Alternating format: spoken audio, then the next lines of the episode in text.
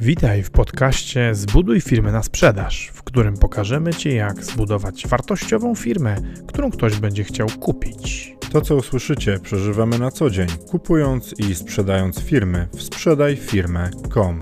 Zapraszamy, Paweł Korycki, Maciej Stępa.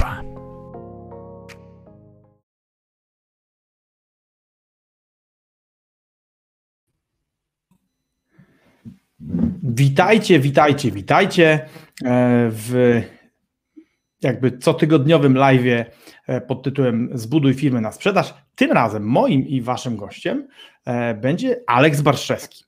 E, Aleks, Aleks, którego widzicie tutaj już ze mną na ekranie, jest, jest osobą, która moim zdaniem jawi się jako, jako taki diament na polskim rynku, E, dlatego że, dlatego, że jego mądrość dotarła do mnie e, wiele, wiele lat, e, zanim go w ogóle poznałem. Najpierw dowiedziałem się, że jest mędrzec, który rozsiewa, który rozsiewa pewne mądre myśli.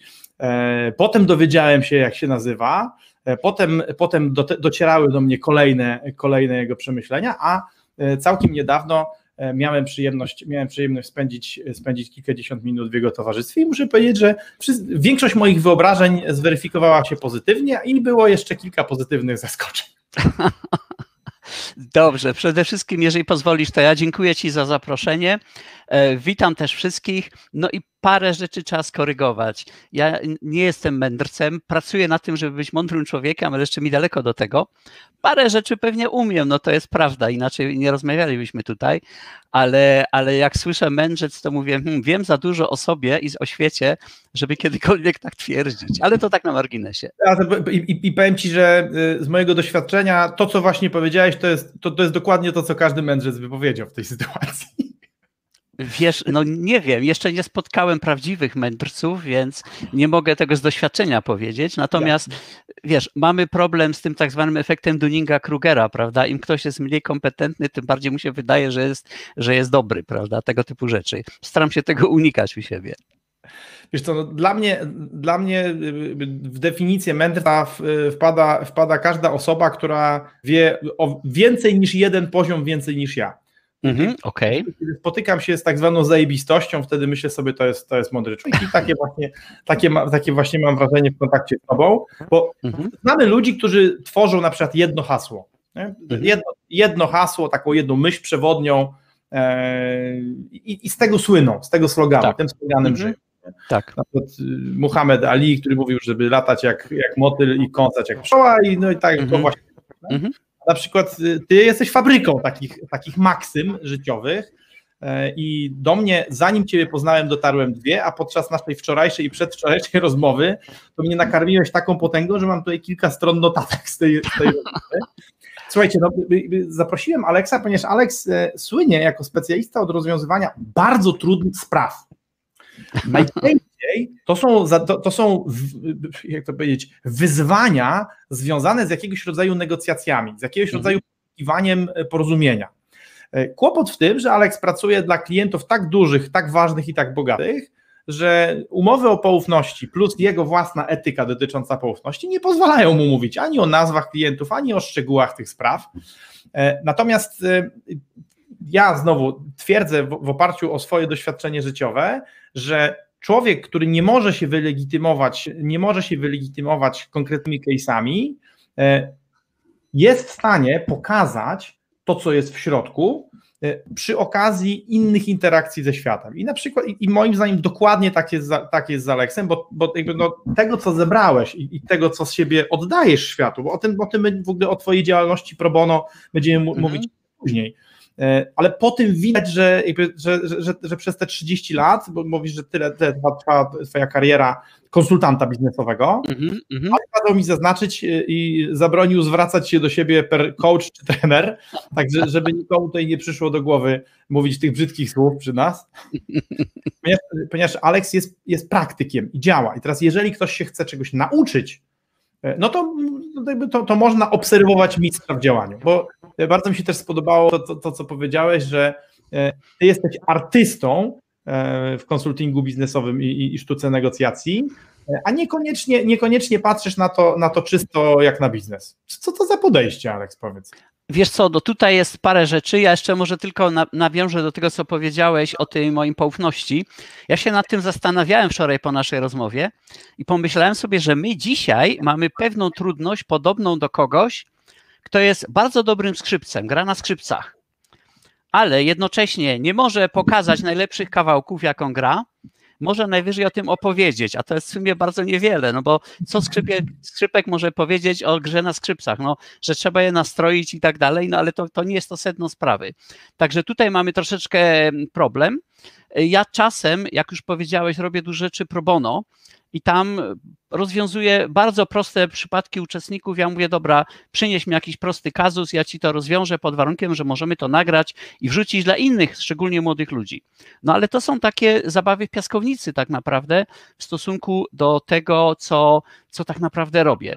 To jest jedna rzecz. I jeszcze tam zakończyłeś pytaniem, które mi teraz umknęło. Jeżeli będziesz tak miły powtórzyć. Oj, ja się zasłuchałem, ja się... przepraszam, zasłuchałem się w tym Zasłuchałem się w tym, co mówisz. Dobrze.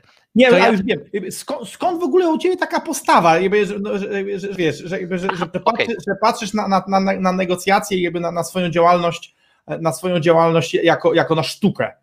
Okej, okay. wiesz co, to zaczęło się od tego, bardzo krótko powiem, bo po co tam stare historie opowiadać, ale jak wylądowałem w Austrii jako, jako uchodźca, tuż tam przed stanem wojennym, jak mieszkałem w piwnicy, sprzedawałem gazety, to potem jakoś się tam wspinałem po drabinie i stanęło na tym, że byłem właścicielem w latach 80.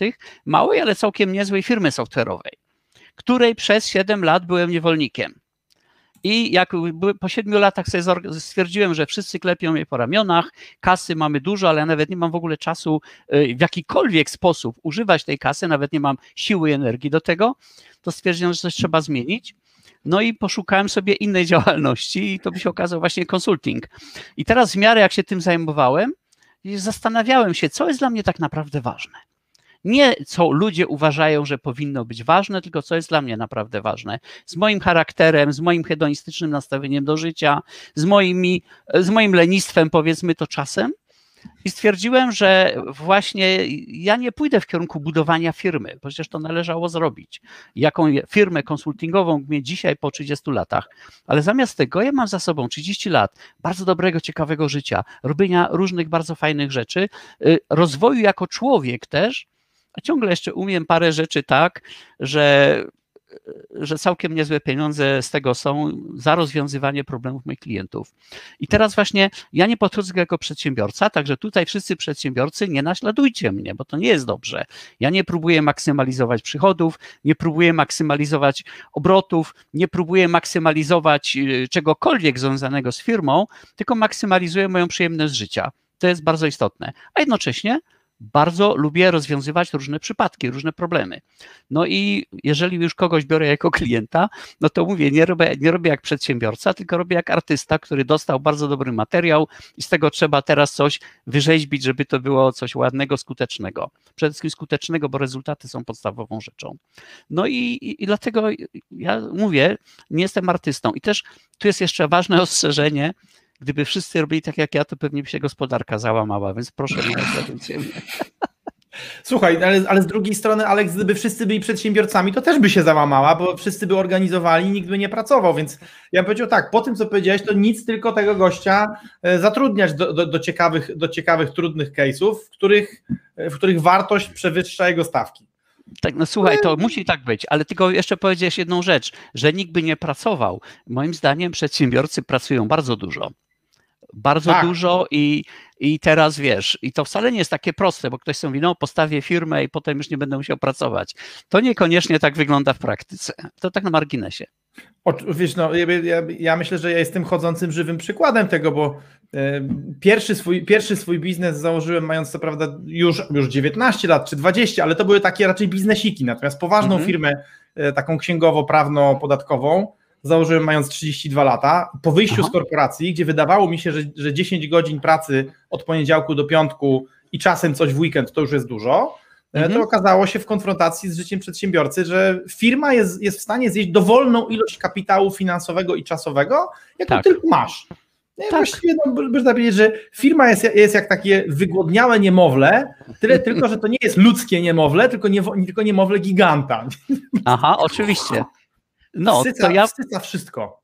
I tak, tak jak tak. powiedziałeś, e, jak, jak się do tego podchodzi nieprzygotowanym, no, no, to, to, to niemowlę potrafi cię pożreć nie? i właśnie uwięzić, spowodować, że no, ja na przykład, ja się skonstatowałem w pewnym momencie, zresztą e, mniej więcej, mniej więcej e, rok czy dwa po tym, jak, jak pierwsze twoje mądrości do mnie trafiły, Zresztą podzielę się nimi, bo, bo, bo uważam, że, że, że są godne tego, żebyśmy je wszyscy wdrażali. Mhm. To wtedy zorientowałem się, że ja nie mam firmy, mhm. że to firma ma mnie. Mhm że to firma ma mnie. No, czyli w zasadzie znajdowałem się w trudnej, w trudnej pozycji negocjacyjnej w biznesie i właściwie, mhm. ja, ja powiem tak, zaprosi, zaprosiłem Cię przede wszystkim po to, żebyś, żebyś, pokazał, żebyś pokazał nam, e, wiedząc o tym, wiedząc o tym, że, że, musisz, że musisz bardzo poważnie traktować poufność, ale żebyśmy podyskutowali o tym, mhm. jak i kiedy, e, będąc w słabszej pozycji, można mhm. powalczyć. E, bo, bo zachwyciło mnie też to, że powiedziałeś mi, że wiele Twoich case'ów polega, negocjacyjnych polega na tym, że ktoś Ciebie zaprasza, będąc w słabszej pozycji negocjacyjnej. Mm -hmm. Bo oczywiście, no, co, co, co to za trudność, jeżeli jest się Schwarzeneggerem, przyjść do Dustina Hoffmana i powiedzieć pieniądze albo życie. No, przy czym tu jeszcze zależałoby oczywiście od tego, co negocjujemy, prawda? Ale, ale tak to jest. Oczywiście, że tak, że ci, którzy mają silną pozycję, to nie zazwyczaj nie potrzebują żadnego wsparcia. Natomiast to jest bardzo ciekawe z tą słabością, bo o, o, ile słabość jest zabójcza w prostych negocjacjach, prawda? Chcesz kupić skarpetki, to jest bardzo prosta transakcja. Chcesz kupić mieszkanie, co do zasady jest też prostą transakcją i tam bardzo trudno jest y, na szybko coś znaleźć, ale na szczęście w biznesie mamy wiele takich rzeczy, które są złożone, które są skomplikowane i tam zawsze, nawet jako ta słabsza strona, możesz znaleźć punkty zaczepienia.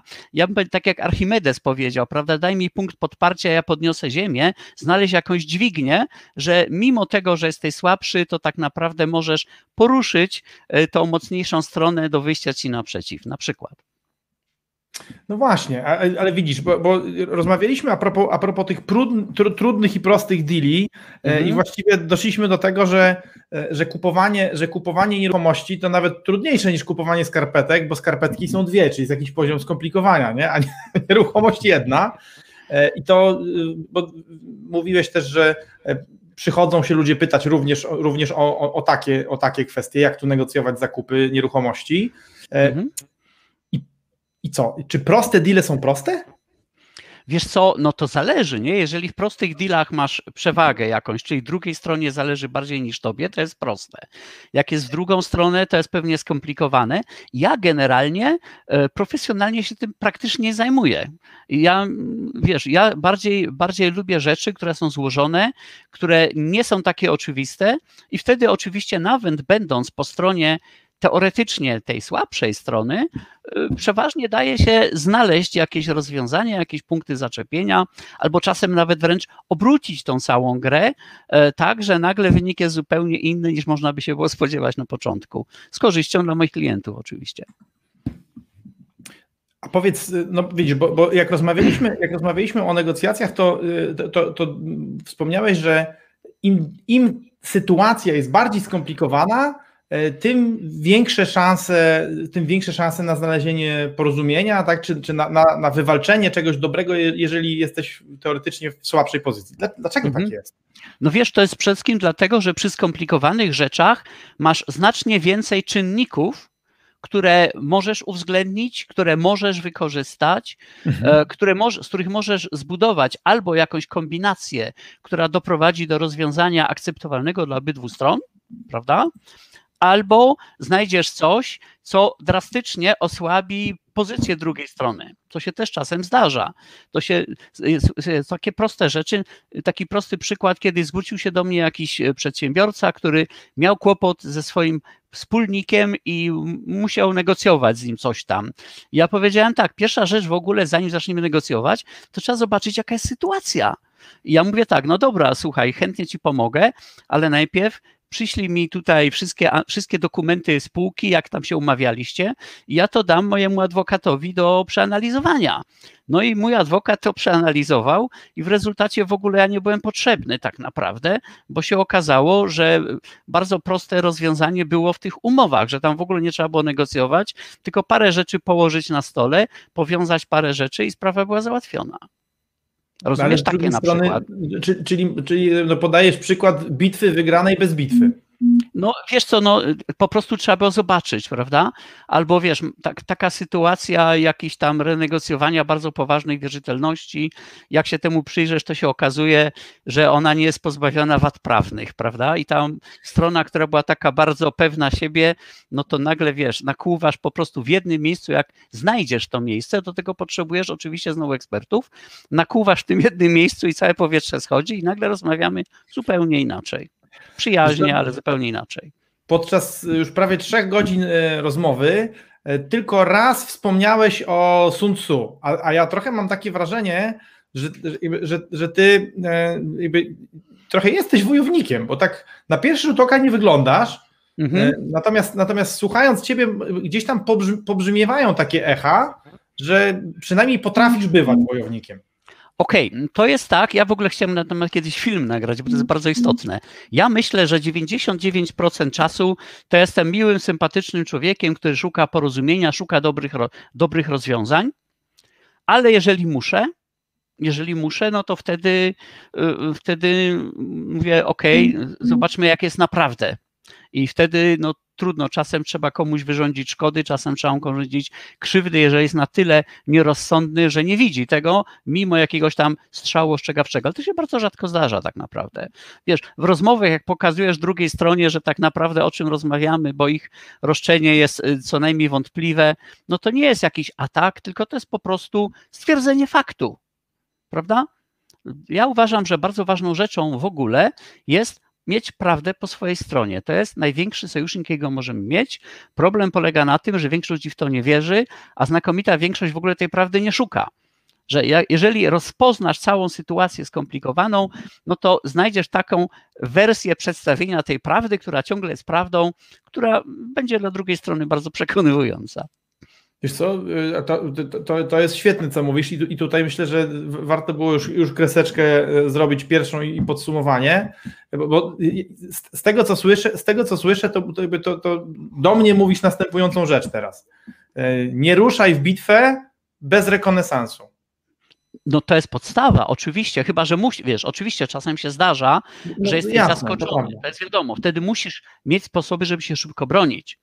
Przynajmniej, mhm. żeby od, odwlec jakieś starcie, aż się pozbierasz. Tak. To na to są też metody, oczywiście, że tak, ale generalnie, jeżeli. To jest trochę jak w medycynie, prawda? Że w medycynie mamy tak zwane operacje planowe, i operacje, to się chyba nazywa awaryjne po polsku jakoś tam, prawda? Czyli planowa, planowa operacja to jest to, że planujemy tak. ci wycięcie tam czegoś, możemy to przygotować, zbadać, robimy ci wszystkie możliwe badania. To, I tak powinno się w większości wypadków działać w negocjacjach. Ale czasem zdarza się to, że miałeś wypadek i teraz cię muszą poskładać, nawet nie wiedzą, jaką masz grupę krwi, prawda? To, to się też zdarza i w negocjacjach też musimy mieć narzędzia, żeby sobie radzić, albo żeby szybko pomóc klientowi, który się znalazł w takiej sytuacji, w wyniku na przykład e, własnej nieostrożności, braku przezorności albo nieczystych zagrań drugiej strony. Tak też się zdarza, ale większość rzeczy to jest taka, że należy zrobić rozpoznanie i to im lepsze rozpoznanie zrobimy, tym mamy więcej narzędzi w ręku, żeby znaleźć jakieś rozwiązanie, które obie strony zaakceptują. To oczywiście. Całkowicie kupuję to, co mówisz, i, i, i, szczególnie, szczególnie, podoba mi się, szczególnie podoba mi się to, jakby to, że e, zwracasz uwagę na kwestie, na kwestie związane z elastycznością. Bo mhm. pamiętam, grając w gry strategiczne, mhm. Ja miałem, taki, ja miałem tak, taką tendencję do tego, żeby, e, żeby bardzo mocno inwestować w długoterminowe rozwiązania, mhm. które jeżeli, pozwol, jeżeli przeciwnik pozwoli ci w nie zainwestować, to spowodują, że go zmiażdżysz, bo nakręcisz, bo nakręcisz taką, taką, tak, takie koło zamachowe. Natomiast, mhm. na, natomiast e, tak jest, ta, taka strategia jest bardzo wrażliwa na właśnie na takie szybkie ataki, nie? Na, na takie właśnie szybkie, gwałtowne ataki, nawet prymitywne, E, mhm. Teraz, jeżeli ktoś nie umie, a ja, ja wtedy nie miałem pomysłów na, na to, jak się przed takimi szybkimi atakami bronić, więc, mhm. ale to znowu widać, widać mistrza. no wiesz co, ja, ja mam zawsze pewien dyskomfort, jak ktoś mówi, że jestem mistrzem, bo tak naprawdę, no okej, okay, parę rzeczy umiem faktycznie, ale do mistrzostwa jest mi jeszcze chyba daleko. To tak na marginesie. Ale teraz jeszcze ty powiedziałeś o zmiażdżeniu przeciwnika. Ja w większości wypadków pracuję w przypadkach, bo tu jest jeszcze dwa rodzaje negocjacji. Rodzaje negocjacji są takie, że jest jednorazowa negocjacja, jednorazowa transakcja, tego człowieka więcej nie widzisz, tak. Ale bardzo często w biznesie zdarzają się negocjacje, gdzie ty z tym człowiekiem znowu będziesz negocjował i znowu będziesz z nim rozmawiał, a czę często się też zdarza, że, ci, że ludzie myślą, a to jest jednorazowa transakcja i z tym człowiekiem jest może jednorazowa, ale reputacja idzie w świat i to jest tak samo ważne.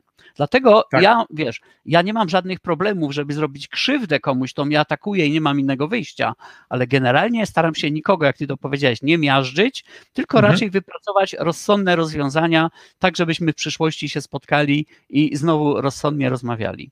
To jest takie no, bardzo ważne podejście. No, historia uczy tego, że, że miażdżenie przeciwnika się niekoniecznie dobrze, niekoniecznie dobrze kończy, bo jak tak. się go nie dogniecie do końca, no to on potem się będzie chciał rewanżować. Tak. Widzę wojna francusko-pruska, tam Francuzi mhm. pognębieni, ale nie dognieceni do końca, a w drugą stronę z kolei jak się tego przeciwnika tam totalnie zdewastuje, no to tak. z kolei nie ma łupów wojennych, bo tam już, bo już nic nie zostaje, no już nie, nie, ma, nie ma nawet z czego, nie ma z czego korzystać. A rozumiem, że jakby ty wyznajesz taką zasadę, że konfliktów trzeba, o ile to jest możliwe, to, to, to trzeba manewrować tak, żeby ich nie było. Jeżeli można rozwiązywać je bez bitwy, no i żeby korzyść była jak największa, no bo, bo, żeby, tą, bo żeby maksymalizować przyjemność, tak jak powiedziałeś, no to muszą być korzyści. Tak, tak, tylko wiesz, tutaj, tutaj mogę akurat zacytować, bo ty cytowałeś Sun Tzu. E, ja Sun Tzu oczywiście czytałem, chociaż niekoniecznie stosuję go na co dzień, ale Sun Tzu powiedział coś takiego, że najlepszy dowódca to jest taki, który potrafi tak rozpoznać wojska przeciwnika i tak ustawić swoje, żeby nie trzeba było prowadzić bitwy. Prawda? Tak. I to jesteśmy teraz w tym momencie, gdzie ja mówię, zrób rozpoznanie sytuacji. Właśnie o to chodzi, że rozpoznanie sytuacji jest pierwszym etapem. Ja teraz mówię oczywiście o jakichś poważniejszych negocjacjach, nie jak oczywiście. próbujemy tam, bo to musi się opłacić, nie? Ale rozpoznanie negocjacji jest pierwszym etapem. I jak masz rozpoznanie tej, tej, tej sytuacji, często jest to tak, że nie do końca ją znasz, to wtedy zastanawiasz się, jak to rozegrać. To jest ten drugi etap. Tu jest potrzebny właśnie duże, duże, duże doza kreatywności inteligencji. To mnie bardziej w tym kręci. I potem trzeci etap jeszcze musisz drugą stronę przekonać. I to wcale nie jest takie proste i to wiesz, ludzie opowiadają o negocjacjach różne teorie i to, to, tak naprawdę to jest bardzo zabawne, z jakich rzeczy ludzie robią szkolenia z negocjacji, bo to w ogóle nie o to chodzi. To tak jakby ktoś, nie wiem, robił e, szkolenia z anatomii, e, z anatomii i fizjologii na kursie bycia dobrym kochankiem na przykład. No teoretycznie można powiedzieć, że jest to potrzebne, ale w ogóle nie o to chodzi. Nie? No. Ładnie, ładnie, bardzo ładnie powiedziane. Wiesz co, no, ja, jestem, ja jestem oczywiście y, y, zachwycony tak, tą, tą, tym podejściem wygrywania bitew, y, wygrywania wojen bez bitew. E, naj, taki najbardziej żywy przykład, jaki mi przychodzi do głowy, to jest kampania 1806 bodajże roku e, napoleońska przeciwko mhm. Austriakom i Rosjanom. E, jak, jak Napoleon idąc na Wiedeń, wymanewrował ogromny korpus austriacki, zresztą większy w ogóle od, od jego wojsk, w taki sposób, że nie, mhm. nie, nie, rozgrywając ani jednej bitwy, odciął ich od, od głównych sił i mhm. zmusił ich do kapitulacji. Bo, bo, bo powiem Ci, że jak przeczytałem w ogóle na początku, przeczytałem Sun Tzu to założenie, nie? wygrywaj wojny bez, bez toczenia bitew, mhm. no to sobie myślę, no dobra, no fajnie, fajnie, że on tak napisał, nie? Tylko, tylko, czy to się da, tylko czy to się realnie da zrobić, a okazuje się, że to, że to, że to jest w praktyce wykonalne. Tak, to jest w praktyce wykonalne, aczkolwiek jest pewna trudność, bo tak naprawdę złożone negocjacje trochę przypominają szachy, ale są trudniejsze od szachów. Dlaczego? Bo w szachach masz całą, całą szachownicę w polu widzenia, wiesz, jakie jest pole, gdzie się będzie rozgrywać, i w szachach wiesz, co która figura może i która jest ważniejsza. W negocjacjach tak. tych złożonych bardzo często nie mamy pojęcia, jak ta szachownica w ogóle wygląda i które z tych pionków, które widzimy, jest ważny, a który nie jest ważny. Prawda? Poza tym może się okazać, że nie widzimy istotnych pionków i dlatego podstawową rzeczą to jest właśnie rozpoznanie, Rozpoznanie. sytuacji. Rozpoznanie Rozpoznanie. sytuacji, to wiesz, na różne sposoby. Pierwsza rzecz, robisz normalny research, prawda, jak biały wywiad, ale też prowadzisz rozmowy w ten sposób, że dowiadujesz się rzeczy, których potrzebujesz. Słuchaj, no by, czyli w związku z tym, że w związku z tym, że nasi słuchacze, no to przede wszystkim przedsiębiorcy i to tacy, którzy myślą o tym, żeby kiedyś swoją firmę albo sprzedać, albo jeszcze coś po drodze kupić, wzmocnić się, Mhm. no to, to transakcje, które będą prowadzić, raczej y, sankcjonują to, że, te, że, że warto zainwestować w tą fazę rozpoznania. Warto, warto wydać czas, warto wydać pieniądze na to, żeby, żeby wiedzieć, tak jak powiedziałeś, no bo jeżeli, jeżeli idziesz do bitwy, e, myśląc, że jesteś przygotowany, a tymczasem, a tymczasem na przykład pole, pole szachowe, które widzisz, jest otoczone hetmanami wroga, tylko on jest Mhm. przykryty mgłą wojny Mhm, e, i mhm. ty tam y, śmiało wkroczysz swoimi pionkami, no to się to może być bardzo przykra niespodzianka. Tak, ale wiesz, Dobra. ja, jest, ja jestem przekonany, że przedsiębiorcy, o których mówisz, to robią takie rozpoznanie. To jest due diligence przecież, to w każdej takiej sytuacji robisz. Tylko, że przy negocjacjach to jest pierwszy krok. Tutaj dobrze jest jeszcze, e, chociażby w rozmowie z drugą stroną, popróbować wyciągnąć różne rzeczy, które są istotne. I to trzeba, to trzeba umieć robić bez stosowania siły, bez stosowania przymusu. To jest umiejętność prowadzenia rozmowy też z drugą stroną, żeby druga strona była skłonna, albo też czasem wykorzystać, bo bardzo dużo ludzi strasznie dużo gada w negocjacjach. Jeden z większych błędów to jest gadulstwo w negocjacjach. Nie? To tylko wystarczy słuchać i e, odpowiednio pytać i już wiesz. prawda. Wiesz co, to, to prawda, ja podczas sprzedawania y, tej, tej swojej największej dotychczas firmy popełniłem właśnie taki błąd, że się nadmiernie otworzyłem przed jednym z kupców Mhm. e, i po, podzieliłem się z nim nastrojami wśród wspólników, że my już jesteśmy zmęczeni, już mamy dosyć, już chcemy, żeby, Mhm. żeby ktoś to kupił.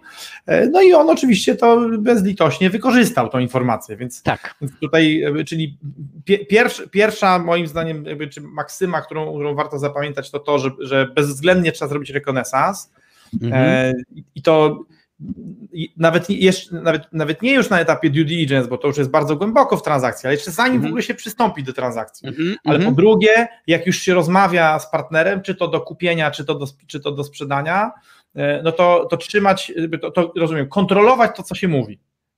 No wiesz co, no kontrolować to jest mało powiedziane. Ja tutaj mm, dobrym przykładem jest taki film, był taki film Get Shorty, Dorwać Małego, Okej? e, z, z Danym DeVito i Johnem Travolta, Ginem Hackmanem i to była taka scena, kiedy Travolta próbował negocjować w imieniu Hackmana, tych postaci oczywiście granych przez nich i Hackman wrzucił się w połowę negocjacji, psując je kompletnie i wtedy John Travolta, jak ci gangsterzy wyszli, to powiedział do Gina Hackmana y, zdanie, które trzeba sobie wysprejować nad łóżkiem jako negocjator.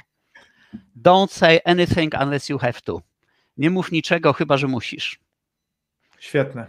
A większość ludzi, jeżeli odpowiednio oczywiście prowadzisz rozmowę, to ku memu zdumieniu stosuje odwrotność tej zasady. Co, nie milcz, o ile nie musisz? Nie, od, odwrotność tak to nie, właśnie, ja bym powiedział tak, mów jeśli tylko możesz, nie? Jeśli tylko możesz.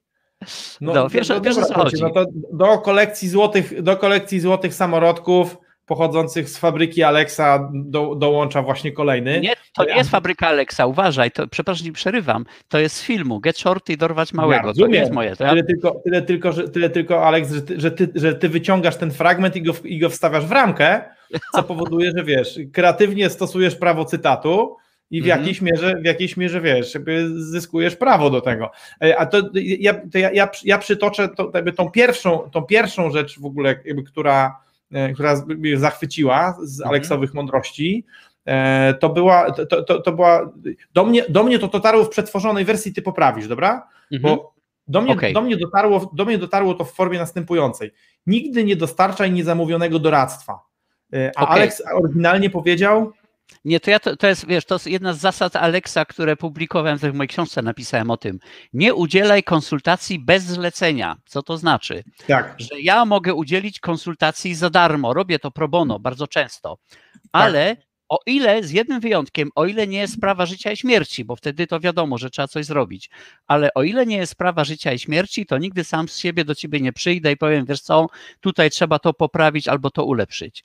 Jak mnie zapytasz, to ci chętnie powiem, po przyjacielsku ci powiem, ale nie robię tego nigdy bez zlecenia. Dlaczego? Bo kiedyś robiłem to i zauważyłem, że ludzie dostając za darmo wskazówki, wcale nie byli wdzięczni, tylko byli wkurzeni, więc pomyślałem sobie po co, tak. prawda? No tak, to wiesz, taka zasada. Mo, mo, moja praktyka również jakby potwierdza, potwierdza jakby głębie pra, prawdziwości tych słów, ponieważ y, y, ja sobie ukułem do tego takie pomocnicze stwierdzenie, Aha. to znaczy, że jeżeli, że jeżeli ktoś nie zamówi, nie, mhm. nie, nie zleci ci tego, tych konsultacji czy tego tak? doradztwa, to ty za nie zapłacisz. Nieważne czy pieniędzmi, czy, czy bólem, czy, czy złością mm -hmm, tej osoby, mm -hmm. Ale jeżeli ktoś ci nie mówi, weź mi powiedz, co mam robić, a ty mu po prostu opowiadasz, co masz robić, no to, mhm. to choćby to były najlepsze rady, to, będą, to, będą, to, to będzie z tego jakieś cierpienie. Ktoś za to mhm. zapłaci i skoro nie klient, no to, to ty. Jasne, jasne, to ty, jasne. To ty. Więc, więc jakby, i, i powiem ci, że ta, ta, ta rada, która pochodziła od ciebie, no, uratowała, mi, uratowała mi mnóstwo e, mhm. złej krwi i smutku i cierpienia. E, no bo jako, jako aspirujący konsultant biznesowy mhm. E, bardzo chciałem, żeby ktoś mnie słuchał, w związku z czym narzucałem się z tą swoją mądrością.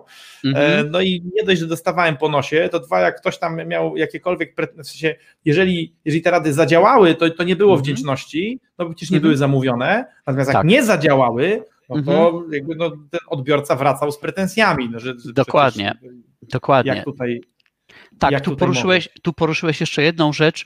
E, jeżeli udzielamy komuś rad bez zlecenia, to często robilibyśmy to nie mając pełnego przeglądu sytuacji. Na przykład ja mówię, jakie ja mam prawo twierdzić, że ja wiem lepiej, co jest dla ciebie dobre nie znając różnych okoliczności mhm. Twojego życia, Twoich preferencji i tak dalej. Dlatego ja, jeśli chodzi o, o radzenie komuś z własnej inicjatywy, jeżeli nie jest sprawa życia i śmierci, to tego w ogóle nie robię. A jak ktoś mnie pyta, no to mówię dobrze, wtedy pytam, jak otwarcie chcesz, żebym ci o tym mówił, bo to jest jeszcze następny ważny element. A, no właśnie. No bo, bo, bo tak naprawdę bardzo często dobre doradztwo y, może ranić. No bo zwłaszcza no, dumę. Tak, tu, i to wiesz, tu są bardzo ciekawe rzeczy, bo jak działasz na przykład międzynarodowo, to jeszcze musisz uwzględnić bardzo różne mentalnościowe rzeczy, bo to wcale nie jest takie samo, wcale nie jest tak wszystko jedno, można się na przykład naciąć. Amerykanie generalnie bardzo szybko przechodzą do rzeczy, ale jak przekazujesz negatywne informacje, to trzeba opakować. Ta słynna kanapka to jest amerykańska. Po, po, drugiej stronie spektrum masz na przykład w Europie Holendrów, a najlepsi są Izraelczycy. Oni walą prosto z mostu jak w bęben nie? i to jest dla nich normalne. I tak może z nimi też rozmawiać. Czyta, czytałem, czytałem jakiś czas temu taką książkę Culture Map właśnie o, o, mhm. o, tych, o tych postawach. Co, co, ciekawe, o Izraelitach tam nie wspominali, ale wspominali właśnie o Holendrach jak, jako takich no. jednych bardziej brutalnych, ale tak. się okazuje, że, że, Polacy mają podobny poziom brutalności w udzielania informacji zwrotnej jak Holendrzy, troszkę mniejszy. E, natomiast Amerykanie są tacy właśnie strasznie wrażliwi. Że tak, tam ale... rozklejają, jak tej kanapki nie dostaną. No tak, ale zwróć uwagę, że w Polsce Polacy są brutalni, jeśli chodzi o informację zwrotną, ale są bardzo słabi w przyjmowaniu jej. Tutaj to ego jest bardzo kruche. To jest kruchutkie, no. Jest, no jest, jest, jest znaczy, Ja generalizuję teraz oczywiście, ale u oczywiście. większości populacji są dość słabi w przyjmowaniu tego. Ja miałem kiedyś taką sytuację, jeżeli mamy 30 sekund, to opowiem no, kiedyś, byłem, kiedyś byłem zaproszony na spotkanie jakiejś organizacji networkingowej. I to wyglądało tak, że najpierw była sesja networkingowa, potem prowadzono ze mną wywiad. E, w formie wywiadu, no siedzieliśmy na scenie, był wywiad i potem były pytania z publiczności i ktoś z publiczności zapytał, e, jak oceniam umiejętność budowania relacji, bo o tym rozmawialiśmy, jak oceniam umiejętność budowania relacji w tym gronie, które tu siedzi to ja, jak zwykle, najpierw pytałem, mówię, OK, jak e, otwarcie chcecie Państwo usłyszeć na ten temat coś? Oni powiedzieli, no, wal prosto z mostu. No to ja powiedziałem tak, proszę Państwa, była sesja networkingowa, podczas której kilkanaście osób do mnie podeszło w sumie. Każda z nich próbowała mnie zainteresować swoją osobą, nikt nie był zainteresowany moją. Jak oceniacie to z punktu widzenia umiejętności budowania relacji? cisza. już mnie więcej nie zaprosili, nie? No, ale to już trudno, no, muszę z tym żyć. No, no niestety, jak, jak, się kogoś, jak, jak się kogoś prosi o feedback, no to, to trzeba, być, trzeba być gotowym na to, że, że, się, go, że się go dostanie. E, no, ja, wiesz co, ja kiedyś, ja kiedyś poprosiłem o feedback e, takich moich współprowadzących taki projekt w, w, mhm. w ramach organizacji harcerskiej. E, no i ten feedback, ten feedback był, był, był tak druzgocący, że się ze trzy dni zbierałem po nim. Bo tam, bo, przecież chłopacy właśnie podeszli do tego po holendersku. Uznali, że no, no przecież wiemy, że robimy dobrą robotę, więc wytkną mi to, co nie działa. No i ta tak. lista, była, ta lista była na tyle długa i obszerna, że ja właściwie, że właściwie zacząłem się zastanawiać, czy tam cokolwiek wyszło nie? po tym. Mhm. Ale, to jest, ale to jest kwestia, tak jak powiedziałeś, e, siły psychiki, czy tego, jak, jak człowiek jest skonstruowany. Mhm. E, a ja na, tamten, ja na tamten moment ewidentnie, ewidentnie nie, mia, nie, nie byłem gotów na to, na, na to żeby przyjmować mhm. awista e, szczerą prawdę na temat, mhm. na, na, temat swoje, jakby swojego performance'u, czy, jakby, czy, czy w ogóle wyników tej, mhm. tej całości. Tak. Ale wróćmy tak. jeszcze na moment do, e, do, kwestii, do kwestii tych projektów negocjacyjnych, e, bo ja chciałem się ciebie zapytać, kiedy negocjacje to jest walka? I czy zawsze to musi być walka? Czy to zawsze musi być, czy ten Sun Tzu zawsze gdzieś tam w tle i Clausewitz się czają? Czy, czy da się to załatwiać inaczej? Wiesz co, ja mam generalny problem z paroma słowami, okay. takimi na przykład jak zawsze, jak okay. nigdy, bo znajdziesz jeden wyjątek i to prze, przewraca całe stwierdzenie, rozumiesz? Słusznie, jestem, też, tak, no. jestem, też, jestem też przeciwnikiem uogólnień. Dlaczego? Bo się bardzo różne sytuacje zdarzają bardzo różne i bardzo wielu ludzi na przykład wyobraża sobie negocjacje tylko jako walkę, częściowo, bo nie potrafią inaczej, częściowo, bo się naoglądali kiepskich filmów, gdzie w filmach oczywiście zawsze tak to przedstawiają, co jest absolutną bzdurą. Więc tutaj bardzo trudno, bardzo trudno mi odpowiedzieć na to pytanie. Czasem się tak zdarza, ale jest znacznie lepiej, jeżeli możesz po prostu się z ludźmi dogadać. Przynajmniej w tym zakresie, gdzie ja działam. Bo ja rozumiem, że przy jakichś, nie wiem, no, prostych rzeczach, no, ludzie się tam potrafią posprzeczać, potrafią sobie nawrzucać całkiem niepotrzebnie. Ale to jest, wiesz, wiesz o co mi chodzi? No nie mogę dać ci takiej odpowiedzi, że któryś z widzów nie powiedziałby chwileczkę. Ja znam tu pięć przypadków, że jest inaczej. No tego nie chcemy. Jasne. A powiedz mi taką rzecz. E, czy, czy skomplikowanie, czy skomplikowanie dealu, e, bo wspomniałeś o tym, wspomniałeś o tym, że w skomplikowanych dealach e, łatwiej jest znaleźć fajne rozwiązania. Czy, czy to może jest tak, że im deal jest prostszy, tym większe ryzyko konfrontacji? Wiesz co, tego nie wiem. Dlaczego? Bo możemy mieć prosty deal i nie ma w ogóle konfrontacji, prawda? Okej. Okay. Bo, bo no obie tak, strony mówią, ok, widzimy, widzimy korzyści. Ja tylko mówię, że jeżeli, jeżeli są, jest sytuacja konfrontacyjna, to w złożonych rzeczach łatwiej jest znaleźć coś, co możemy wykorzystać jako dźwignię, albo coś, co możemy wykorzystać, żeby w kreatywny sposób znaleźć rozwiązanie, że jednak tej bitwy nie trzeba prowadzić. Ok? No, to w ten sensie. No bo właściwie zobacz, podałeś ten przykład, y, że, że kupno nieruchomości jest trochę jak, jak kupno pary skarpetek. E, tyle tylko, że no, rzadko, się spotyka, rzadko się spotyka taką sytuację, że ktoś kupując skarpetki, po pierwsze w ogóle negocjuje, mhm. a po drugie, że tam dochodzi do jakiejś konfrontacji. W zasadzie, że wiesz, sprzedaj mi tak, to tak. taniej, bo jak nie, to odetnę ci prąd w sklepie.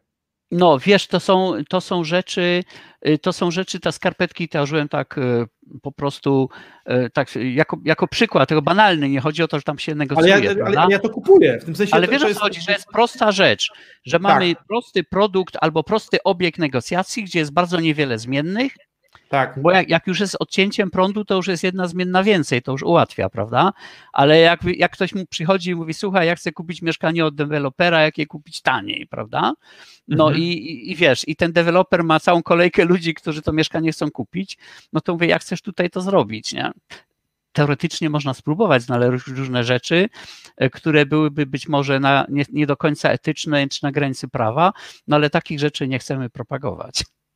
No, no, no, tak, bo natychmiast, natychmiast przychodzi mi do głowy, że no bo ta, ta, sytuacja od razu namalowana jest, pachnie beznadzieją, ale z drugiej strony wiesz, no możesz się szybko ożenić z córką burmistrza miasta, w którym ten deweloper chce budować. No ale to nie jest tego warte zazwyczaj, nie? Nawet No, to nie. No, chyba, że, chyba, że tak czy inaczej chciałeś tą córkę poślubić, no to wtedy okej. Okay. Zgadza się. I, i, I, właśnie, masz rację. I, i, I w tej sytuacji, w tej sytuacji prawdopodobnie warto by było wspomnieć o tym, że my tutaj z narzeczoną córką burmistrza chcielibyśmy kupić to mieszkanie. I wtedy prawdopodobnie pozycja dewelopera się zmienia. Wiesz, no ja cały czas mówię, że że no proste, proste, te proste rzeczy, gdzie jest bardzo niewiele zmiennych, to, to nie jest moja działka. Czasem oczywiście różne zabawne rzeczy są, ja nawet taki film wrzuciłem do sieci o zabawnych negocjacjach w sklepie. Jak kiedyś e, w weekend moja małżonka pilnie potrzebowała takiego pokrowca na garnitur, jedyny sklep, który to miał, to sprzedawał to wyłącznie z garniturami i, i nie wchodziło nic innego w rachubę. I tam, tam były rzeczy takie, że to były też ograniczenia systemowe, a nie tylko człowieka, który to o tym decydował. No więc skończyło się na tym, e, że po różnej serii e, roz, roz, po rozmowie, schodzeniu z garnituru na koszulę, na krawat, kupiłem te, za grosze ten, ten, ten pokrowiec z parą skarpetek, prawda? Ale to... Ten film warto obejrzeć. Musisz, coś musiałeś kupić. No. No, Wiesz o co chodzi, no ale, ale no to było tak. właśnie akceptowalne rozwiązanie, prawda? I cały czas właśnie o co chodzi? W tym akceptowalnym rozwiązaniu ten film warto obejrzeć, że ja cały czas dbałem o dobrą relację z tą drugą stroną, bardzo przyjaźnie, że w którymś momencie ta strona chciała mi pomóc. No właśnie. Miała satysfakcję, że mogła. Bo, bo wspomniałeś, wspomniałeś o tym, o tym żeby, żeby, żeby zrobić rekonesans, E, wspomniałeś o tym, żeby po próżnicy nie gadać, ale gdybym Ciebie poprosił o to, żeby, żeby jeszcze oprócz tego, oprócz tego zadania pod tytułem, e, żeby zrobić rekonesans, to gdybyś, gdybyś miał powiedzieć o trzech, o trzech innych jeszcze ważnych rzeczach, o których warto pamiętać negocjując. Zwłaszcza jak jesteś w słabszej sytuacji, ale nie tylko. No wiesz, to ja już o tym mówiłem, że te trzy etapy. Pierwsza rzecz rekonesans, druga to nie jest wiedza teoretyczna, tylko umiejętności. To jest umiejętność takiego przyjrzenia się sytuacji, żeby ewentualnie spojrzeć na to z innego kąta widzenia, z innego punktu widzenia, poprzekładać różne elementy i zobaczyć, mhm. czy z tego mogę mieć jakąś układankę, która poprawi moją sytuację albo da mi jakąś dodatkową dźwignię. I trzeci mhm. element to jest też umiejętność, czyli to nie jest teoretyczne, no tam bla, bla, bla, tylko ty tak. musisz tego człowieka przekonać, że to rozwiązanie jest dobre, że to rozwiązanie jest dla niego też korzystne, że być może jest to rozwiązanie korzystniejsze od tego, które on sobie wyobraził. Musisz jeszcze uwzględnić w tym wszystkim jego ego, jego poczucie własnej wartości, bo nie rozmawiasz z komputerem, tylko z żywym człowiekiem. Tam jest bardzo mhm. dużo czynników, ale to są rzeczy właśnie umiejętnościowe. To wiesz, można by dużo mądrze gadać, ale to, byłoby, to, to z tego nic nie wynika. To trzeba po prostu pokazać albo zrobić najlepiej. Czyli innymi słowy, czy innymi słowy trzeba, się, trzeba się po prostu sporo nauczyć. Trzeba się nauczyć, jak rozpoznawać sytuację, nauczyć się, jak, w jaki sposób żonglować, żonglować dostępnymi informacjami w taki sposób, żeby tworzyć atrakcyjne czy lepsze dla nas od tego alternatywnego rozwiązania deal, ale też uwzględniając interes drugiej strony, tak jak powiedziałem. Tak, no tak, tak. przekonywać. I różne niuanse, oczywiście, i różne niuanse. I tutaj tego się po pierwsze trzeba nauczyć, a po drugie trzeba mieć wprawę. Dlatego na przykład ja mam pewne minimum zadań takich konkretnych, które wykonuję w roku, nie po to, że koniecznie potrzebuję tych pieniędzy, ale chodzi mi po prostu o to, żebym był dalej dobry w tym, co robię bo to jest trochę właśnie, jak już mówimy o skrzypkach, skrzypek jak jest dobry, to musi grać, bo inaczej jak nie będzie grał przez miesiąc, to będzie gorzej. I to jest dokładnie tak samo w tych umiejętnościach, że to są umiejętności, które trzeba praktykować. I, dlatego to, jeżeli ktoś się będzie tego uczył, to, to też jest bardzo ważne, że jak się nauczysz, to nie wystarczy, to nawet jak ty nie masz potem wyzwań negocjacyjnych, poszukaj sobie od mhm. czasu do czasu, żeby praktykować, żeby nie wyjść z sprawy. To jest bardzo istotny element. Jasne. Wiesz, to, to, to, bo tu, tutaj y, aż prosi się o to, o to, żeby wspomnieć o tym, że e, ty masz tak, też taką maksymę, że pracujesz zawodowo nie więcej niż 50 dni w roku. No muszę powiedzieć, że zaimponowało mi to. Dlaczego? No te 50 dni w roku to jest właśnie, przy czym to jest pi razy oko oczywiście. To było no, ustalone rozumiem, wtedy, jak, wtedy, jak jeszcze, wiesz, nie było covid i nie pracowaliśmy online, to było wszystko na żywo, prawda? Ale te 50 dni w roku to jest plus minus ilość zadań, które ja mam, Mhm. żeby nadal być dobrym. Bo kiedyś zrobiłem coś takiego, że sobie e, popłynąłem sobie, pojechałem na Florydę i tam dość długo sobie na łódce siedziałem, wracam, rozumiesz, i siedzę na jakimś zarządzie, gdzieś tam byłem zaproszony i się zastanawiam, o co właściwie im w ogóle chodzi, nie? To nie jest dobre.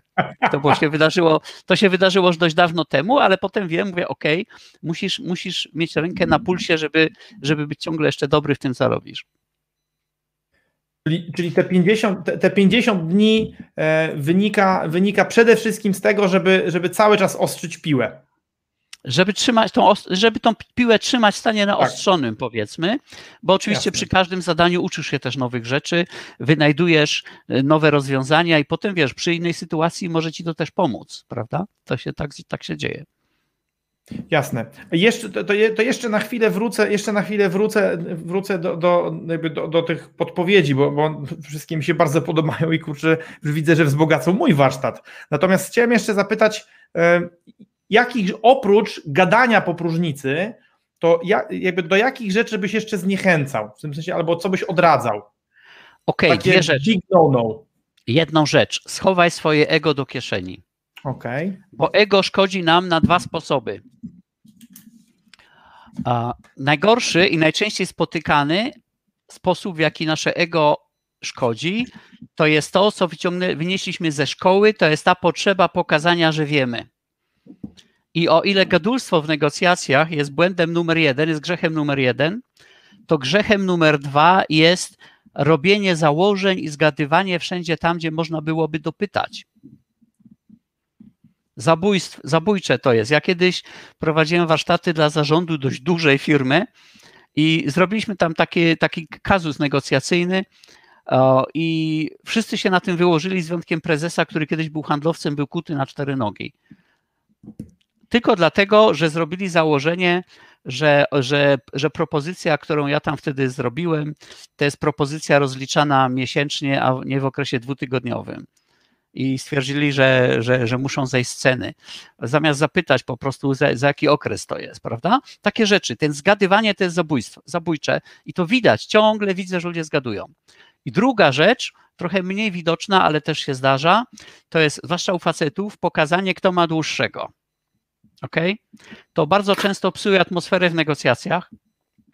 W różnych kiepskich filmach też to można zobaczyć. Teraz przychodzi mi do głowy taki film e, Tom Crown's Affair z, e, z Piersem Brosnanem. Tam się zaczyna od takiej sceny negocjacji, gdzie on tam podpisuje jakiś kontrakt Tak. i obie strony mówią, e, kto tam ma dłuższego na różne sposoby. To jest absolutnie poważny błąd, bo jak już negocjujesz, to pamiętaj, że w Europie sprawa jest zakończona, jak masz kasę na twoim koncie, a w Stanach sprawa jest zakończona, jak masz kasę na swoim koncie i wszystkie procesy też się zakończyły. Więc to jest to samo podpisanie czegoś dokumentu, to, to zwłaszcza jakiś skomplikował, tam była duża transakcja w tym filmie, to jest absolutny błąd, jeżeli teraz pokazuję, zobacz jak cię znegocjowałem, bo to może bardzo różne rzeczy spowodować. Także bardzo ważna rzecz, schować ego do kieszeni, nie zgadywać, pytać, bo w szkole to było tak, Jasiu pytał, to jest głupi, bo nie wie, bzdura, w negocjacjach zakładam, że nic nie wiem i pytam. A nawet jak wiem, to pytam czasem. A po drugie, właśnie nie pokazujmy drugiej stronie naszej wyższości, bo to nie o to chodzi. Niech się ta druga strona dobrze czuje, pod warunkiem, że my wyjdziemy z tych rozmów z tym, co chcemy. Albo jeszcze lepiej z czymś więcej niż chcemy, bo się czasem zdarza.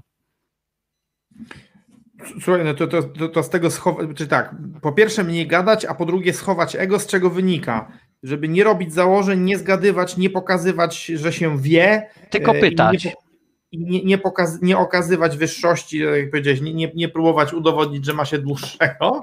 No tak. To, to, to jest, to, ja bym powiedział, że to jest taka znowu super porada e, w kontekście tego chowania ego. No ale patrz, to są takie podstawowe rzeczy. To jest w ogóle, wiesz, takie, takie ABC. To jest znowu, y, to są zasady, jakbyśmy to do skrzypiec położy, przełoży, wiesz, w, skrzypka, w, w skrzypcach ten smyczek to się kalafonią naciera, prawda? I w ten sposób gra.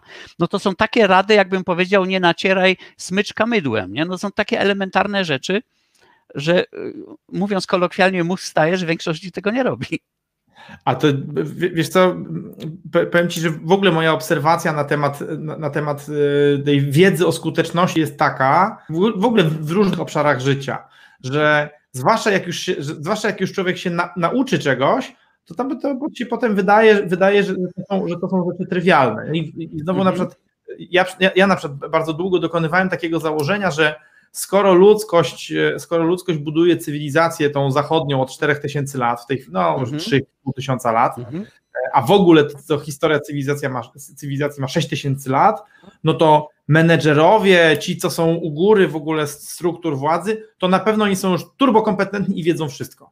A okazuje się, że nie, ponieważ jeszcze istnieje coś takiego jak ograniczenie pojedyn życia pojedynczego człowieka i jego mhm. osobista pojemność taka mentalno-pamięciowa. Tak. E, i, i, się okazuje, że, że, że, takie rzeczy, które były oczywiste 2000 lat temu, w sensie byli ludzie, dla których to było oczywiste 2000 lat temu, albo 3000 lat temu, że greccy filozofowie już te rzeczy mieli namierzone, mm -hmm. dzisiaj są potężnym zaskoczeniem. No. Nadal. To, i, to nie, I to właśnie nie dla byle kogo, tylko dla ludzi e, no naprawdę no, z, z, z elity biznesu, czy, czy, mm -hmm, czy, czy, mm -hmm. czy, czy, życia społecznego.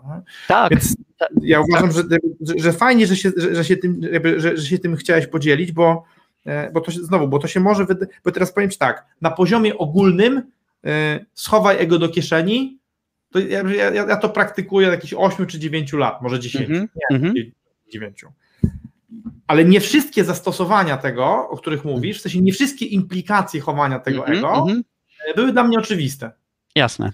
Bo, bo, to jest jedna, bo to jest jedna rzecz zrozumieć, że ego jest w zasadzie, za, w zasadzie zawsze twoim wrogiem, a druga e, to wykorzystać, bo, bo teraz zobacz, e, także bardzo ci, bardzo ci za to dziękuję, ja, ja czuję, że mój warsztat się na pewno wzbogaci, bo sam fakt, że okiełznałeś ego, to jeszcze nie znaczy, że skorzystasz ze wszystkich tego korzyści, a ty dzisiaj pokazałeś, mhm bo, bo jakby co można, co, można, co można zrobić, bo teraz e, niektórzy robią założenia dlatego, dlatego, że chcą się czuć pewni, a niektórzy robią założenia, bo są przyzwyczajeni, żeby to robić. Mm -hmm, Czasem mm -hmm. nie panowali na tego. Oczywiście. Tu jeszcze jest parę rzeczy, jak, tak jak powiedziałeś o starożytności, tak. to na przykład e, ta rzecz e, o tym pytaniu, no to wystarczy nawiązać do techniki sokratejskiej. Sokrates przecież tak robił, on nie robił wykładów, on zadawał tak. takie pytania, że ludzie sami dochodzili do właściwych wniosków. To działa do dzisiaj, tylko trzeba umieć to robić. Problem Pier, polega na tym... Problem polega na tym, że ludzie są naładowani jakąś bzdurną teorią, którą się powtarza z książek, tak. rozumiesz, przez 10-20 lat na różnych szkoleniach, a nie umieją podstawowych rzeczy. I to mhm. potem wiesz, no co? To troszkę tak, jakbyś, jakbyś, wiesz, wyszkolił żołnierza z teorii pola walki, ale on nigdy w życiu by nie strzelał z karabinu, rozumiesz, i potem posyłasz go na bitwę i wiadomo, że zginie bardzo szybko. Nie? No, całkowicie, całkowicie zdecydowanie prawda. Ja, ja, tak sobie myślę o tych, e, jakby o, o, o, tym, o tym Sokratesie i powiedziałem, że to pierwszy coach. Natomiast e, Natomiast wiesz co, jak powiedziałeś o tych, o tych maksymach, które ludzie czytają, takich wyssanych z palca, mm -hmm. to prawie, prawie na pewno ty byłbyś w stanie wyciągnąć z, z kieszeni przykład. Ja mam tu problem, żeby, żeby teraz wyciągnąć takie coś, ale spotkałem już kilka razy E, tezy powtarzane na przykład jako fakt albo jako mhm. Powszechnie uznaną, o, no, już, już, już wiem jaki, wielokrotnie opisywane w książkach i to na przykład w jednej książce, potem cytowane z tej książki w kolejnej, w kolejnej, w związku z tym uświęcone tradycją kopiowania, a wprost nieprawdziwe. I tutaj mhm. rzucam przykład e, gotowanie żaby. Mhm. Żabę trzeba gotować powoli, bo jak wrzucisz ją do garnka z wrzątkiem, to wyskoczy. Mhm. Nieprawda, jak wrzucisz żabę do garnka z wrzątkiem, to jej się, to jej się zetną mięśnie i tam zostanie. Oczywiście. No ale wiesz, to jest taki, to są takie rzeczy, ale na przykład ostatnio miałem taką rozmowę, bo ja, jak już powiedziałem, też dużo rzeczy pro bono robię dla młodych ludzi. Tak. I taką mieliśmy dyskusję i któryś z kolegów mówi, no tak, ale jak negocjujesz, to trzeba zacząć od tego, żeby ci druga strona odmówiła. A ja mówię, skąd ty to wziąłeś? A on mówi, no bo czytałem taką książkę Fossa Never Split the Difference, którą oczywiście też czytałem. I tam w tej książce jest parę mądrych rzeczy, bo facet jest praktykiem, ale facet negocjował głównie z porywaczami, i to jest zupełnie tak. inna historia, jak zaczynasz negocjacje z porywaczami, a inaczej, jak zaczynasz negocjacje biznesowe, gdzie w jakiś pozytywny sposób chcesz pewne rzeczy doprowadzić. Zupełnie inna para kaloszy. Więc ludzie gdzieś tam posłyszeli i potem, yy, potem wiesz, to stosują. To jest tak samo jak w prezentacjach. Ciągle jeszcze słyszę, że podobno na początku prezentacji trzeba pokazać agendę, nie? co jest absolutnym bzdurą. O, a to ciekawe. O, no, no. Ale w sensie to, to na początku rozprawki to tak się robi faktycznie, jeżeli robisz rozprawkę, nie? Że zamierzam opowiedzieć o tym i o tym i o tym i przekonać nie. was do tego, że jest tak, tak, tak i tak. Nie. I następnie przekonuję, tak, tak, tak, ale, ale to, no właśnie, ale to jest jedna rzecz, to jest rozprawka, a druga rzecz to jest prezentacja. Zobacz wiele prezentacji korporacyjnych, do dzisiaj jeszcze takie rzeczy się zdarzają i jeszcze 10 lat temu takich ludzi, tak, z takich rzeczy szkolono w ogóle ku memu zdumieniu, nie? A to były techniki prezentacji z Ameryki z latach 60. i 70. To ja już byłem na świecie, ale większość z tych, co to stosują, jeszcze nie. No i oczywiście jeszcze przy okazji, jeszcze przy okazji opowiada, opowiadało się o tych, o tych nieszczęsnych żabach, co to, co to nie wyskoczą z wrzątku. Tak, tak. Słuchajcie, no, ja, ja powiem tak, po, powoli, powoli zbliżamy się do końca, bo nasz mhm. format zakłada e, półgodzinne spotkania, a z wyjątkowo ciekawymi gośćmi godzinne. E, dzisiejszy gość jest, jest wyjątkowo ciekawy. E, mam nadzieję, dla Was tak samo jak dla mnie. Natomiast ja zanim, bo nie, nie, będziemy, nie będziemy się jeszcze w tej chwili żegnać, natomiast ja chcę, chcę przypilnować, żebyście mieli szansę jeszcze więcej czerpać z mądrości Aleksa. Więc po pierwsze, wrzucam Wam link do sklepu, w którym w przyszłości będzie można kupić drugie wydanie książki, ponieważ e, ostatnimi czasy Alex opublikował, e, opublikował takie filmy na YouTubie, które spowodowały, że popularność jego sklepu przerosła zapasy magazynowe książki i książka się sprzedała. Nie ma. E, ale będzie z powrotem, także nie martwcie się. Za miesiąc czy za dwa będzie? Nie, nie ja myślę, że za dwa tygodnie jesteśmy gotowi. W tej, chwili, w tej chwili grafik kończy składanie, bo to jest nowe, rozszerzone wydanie. Tam jest znacznie więcej niż w pierwszym. E, więc grafik kończy składanie książki, potem wysyłamy do drukarni. E, to jeszcze potrwa, bo chcę oczywiście dostać egzemplarz próbny, ale, ale drukarnia obiecała, że cały proces potem w 8 dni będzie gotowy. Także mam nadzieję, że za jakieś dwa tygodnie to będzie. No, tak się złożyło. Półtora, mies półtora miesięczny zapas wyprzedał się w ciągu kilku dni. No, co mam zrobić? A, a, to wszystko, a, a, to wszystko za sprawą, za sprawą tej twojej działalności y, pro bono. Drugi link, który chcę wam wrzucić, to jest, to jest link do to jest link do y, Aleksowego kanału na YouTubie y, i tam można znaleźć naprawdę niesamowite perełki. Aleks tam pro bono dzieli się takimi rzeczami, za które za które różni e, ludzie nazywający się coachami i trenerami biorą ciężkie pieniądze oraz takimi, których tam ci w ogóle nie znają, więc e, zdecydowanie, zdecydowanie polecam. Ja wczoraj sobie przesłuchałem ten, ten osławiony film o, o obronie przed atakami, przed atakami werbalnymi, bardzo mi się spodobał. Muszę powiedzieć, muszę powiedzieć że no po, raz, po raz kolejny jednak widzę w tobie mistrza i tam sobie zapieraj się ile chcesz, ja swoje wiem. Ale słuchaj, to są bardzo. Przepraszam, mów, mów. Nie, nie, no chciałem słuchaj, powiedzieć, to są bardzo. Trzecie miejsce. Tak? Tak, tak, mów proszę, ja potem podsunę. No mów proszę. Że, że trzecie miejsce, do którego Was zapraszam, e, to jest, y, to jest klinika negocjacji. E, w tym samym adresie, w którym Was wysłałem do sklepu z książką, jak się skasuje sklep, to, e, to wtedy traficie na taką stronę, którą Alex otworzył bardzo niedawno, chyba po, właśnie jesienią podczas pandemii, żeby trochę pomóc, żeby trochę pomóc y, małemu biznesowi, a nawet to, w, to wkleję od razu. Dobra. E, I tam możecie, tam możecie się zgłosić i poprosić o to, żeby, żeby czy spróbować zainteresować Aleksa waszymi tematami. E, jeżeli one będą wystarczająco ciekawe, to, to liczyć na jego pomoc w, w, te, w, negocjacjach, e, czy to negocjacjach związanych z ludźmi, czy, czy, z, czy z transakcjami. E, no i w ten sposób można się od niego uczyć. Alex nie organizuje szkoleń, nie ma czegoś takiego, nie jest coachem, nie jest trenerem, jest praktykiem, więc jeżeli mhm. ktoś chce się uczyć, no to najlepiej, najlepiej zainteresować go swoim tematem, wynająć i obserwować go przy pracy. To jest jeden wariant, a drugi wariant to jest taki sam, jak ja stosuję na przykład, jak mam jakiś problem z zębem, to idę do dentysty i on to robi, a nie muszę się uczyć stomatologii. To jest jeszcze. A, no to jest tak, jeszcze... To dokładnie tak. Ale dokładnie. oczywiście dużo rzeczy się uczysz o stomatologii, jak, prac, jak masz trochę do czynienia z zębami, to jest jasne. To prawda. No, no, na, przykład, na przykład uczysz się tego, to pierwsza nauka dotycząca stomatologii jest taka, że y, trzeba myć zęby, a druga nauka jest taka, że jak mimo mycia zębów coś cię boli, to trzeba iść do dentysty. Dokładnie.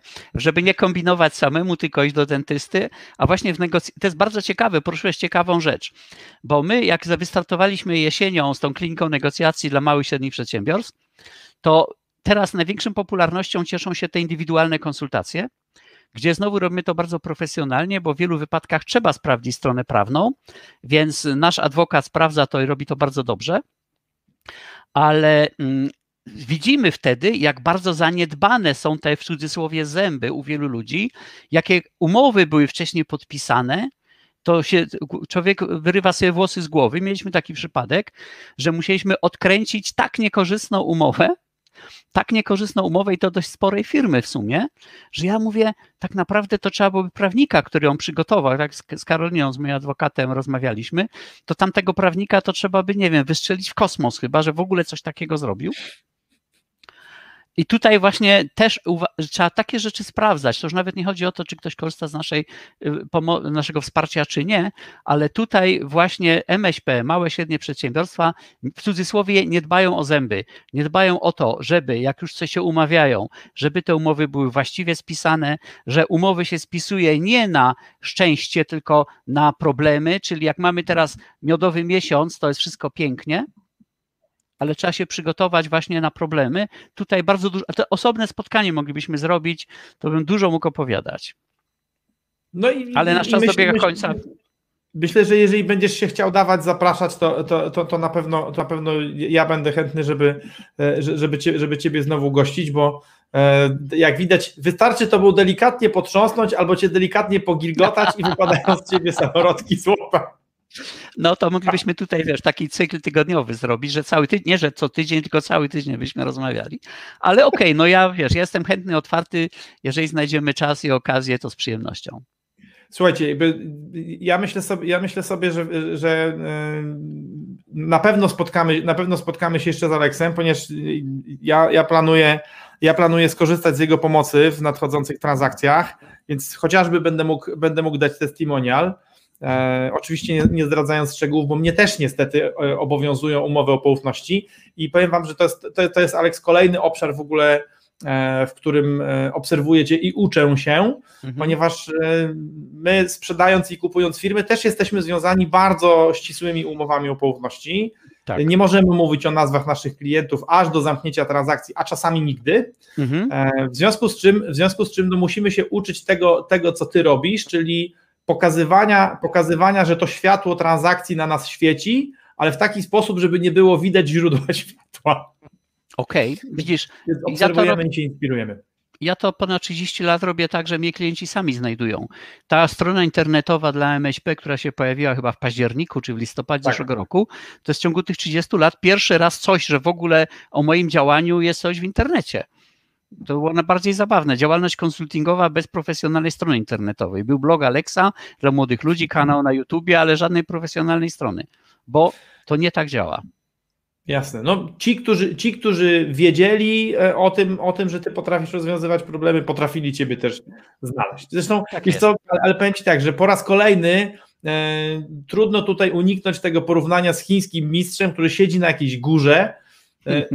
Nie ma znaków, nie, nie, ma tak, że w miasteczku pod tą górą ktoś stoi i mówi do mistrza, do mistrza, tu, tędy, tu na górę. Nie ma.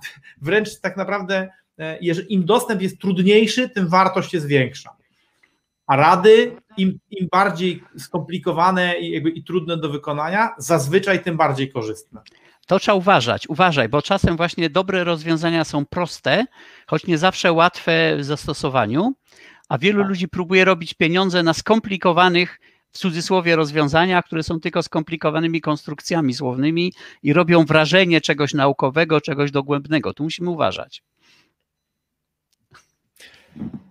Pole minowe, ale dobrze, dobrze wiedzieć, że przez to pole minowe można przechodzić z kimś, kto już je przeszedł nieraz i chodzi po nim w te i z powrotem przez 30 lat. E, także e, wszystkich tych, którzy wymagają profesjonalnej pomocy w rozwiązaniu e, dużych, poważnych problemów biznesowych, zapraszamy na klinikę negocjacji do Alexa. a Was dzisiaj już żegnamy, bo o trzy minuty za długo nam się udało, udało Was mówić. Ale z takim gościem to nic dziwnego. Okej, okay, ja bardzo, bardzo dziękuję. Ja bardzo dziękuję za rozmowę, dziękuję wszystkim za uwagę. Jeszcze maleńka korekta, to dla tych MŚP to nie muszą być bardzo duże rzeczy, tylko to muszą być Rozumiem. takie rzeczy, gdzie korzyści znacznie przekraczają koszty mego honorarium. To jest wystarczające kryterium. Super. Jeszcze raz bardzo dziękuję, bo mi bardzo miło. Dzięki.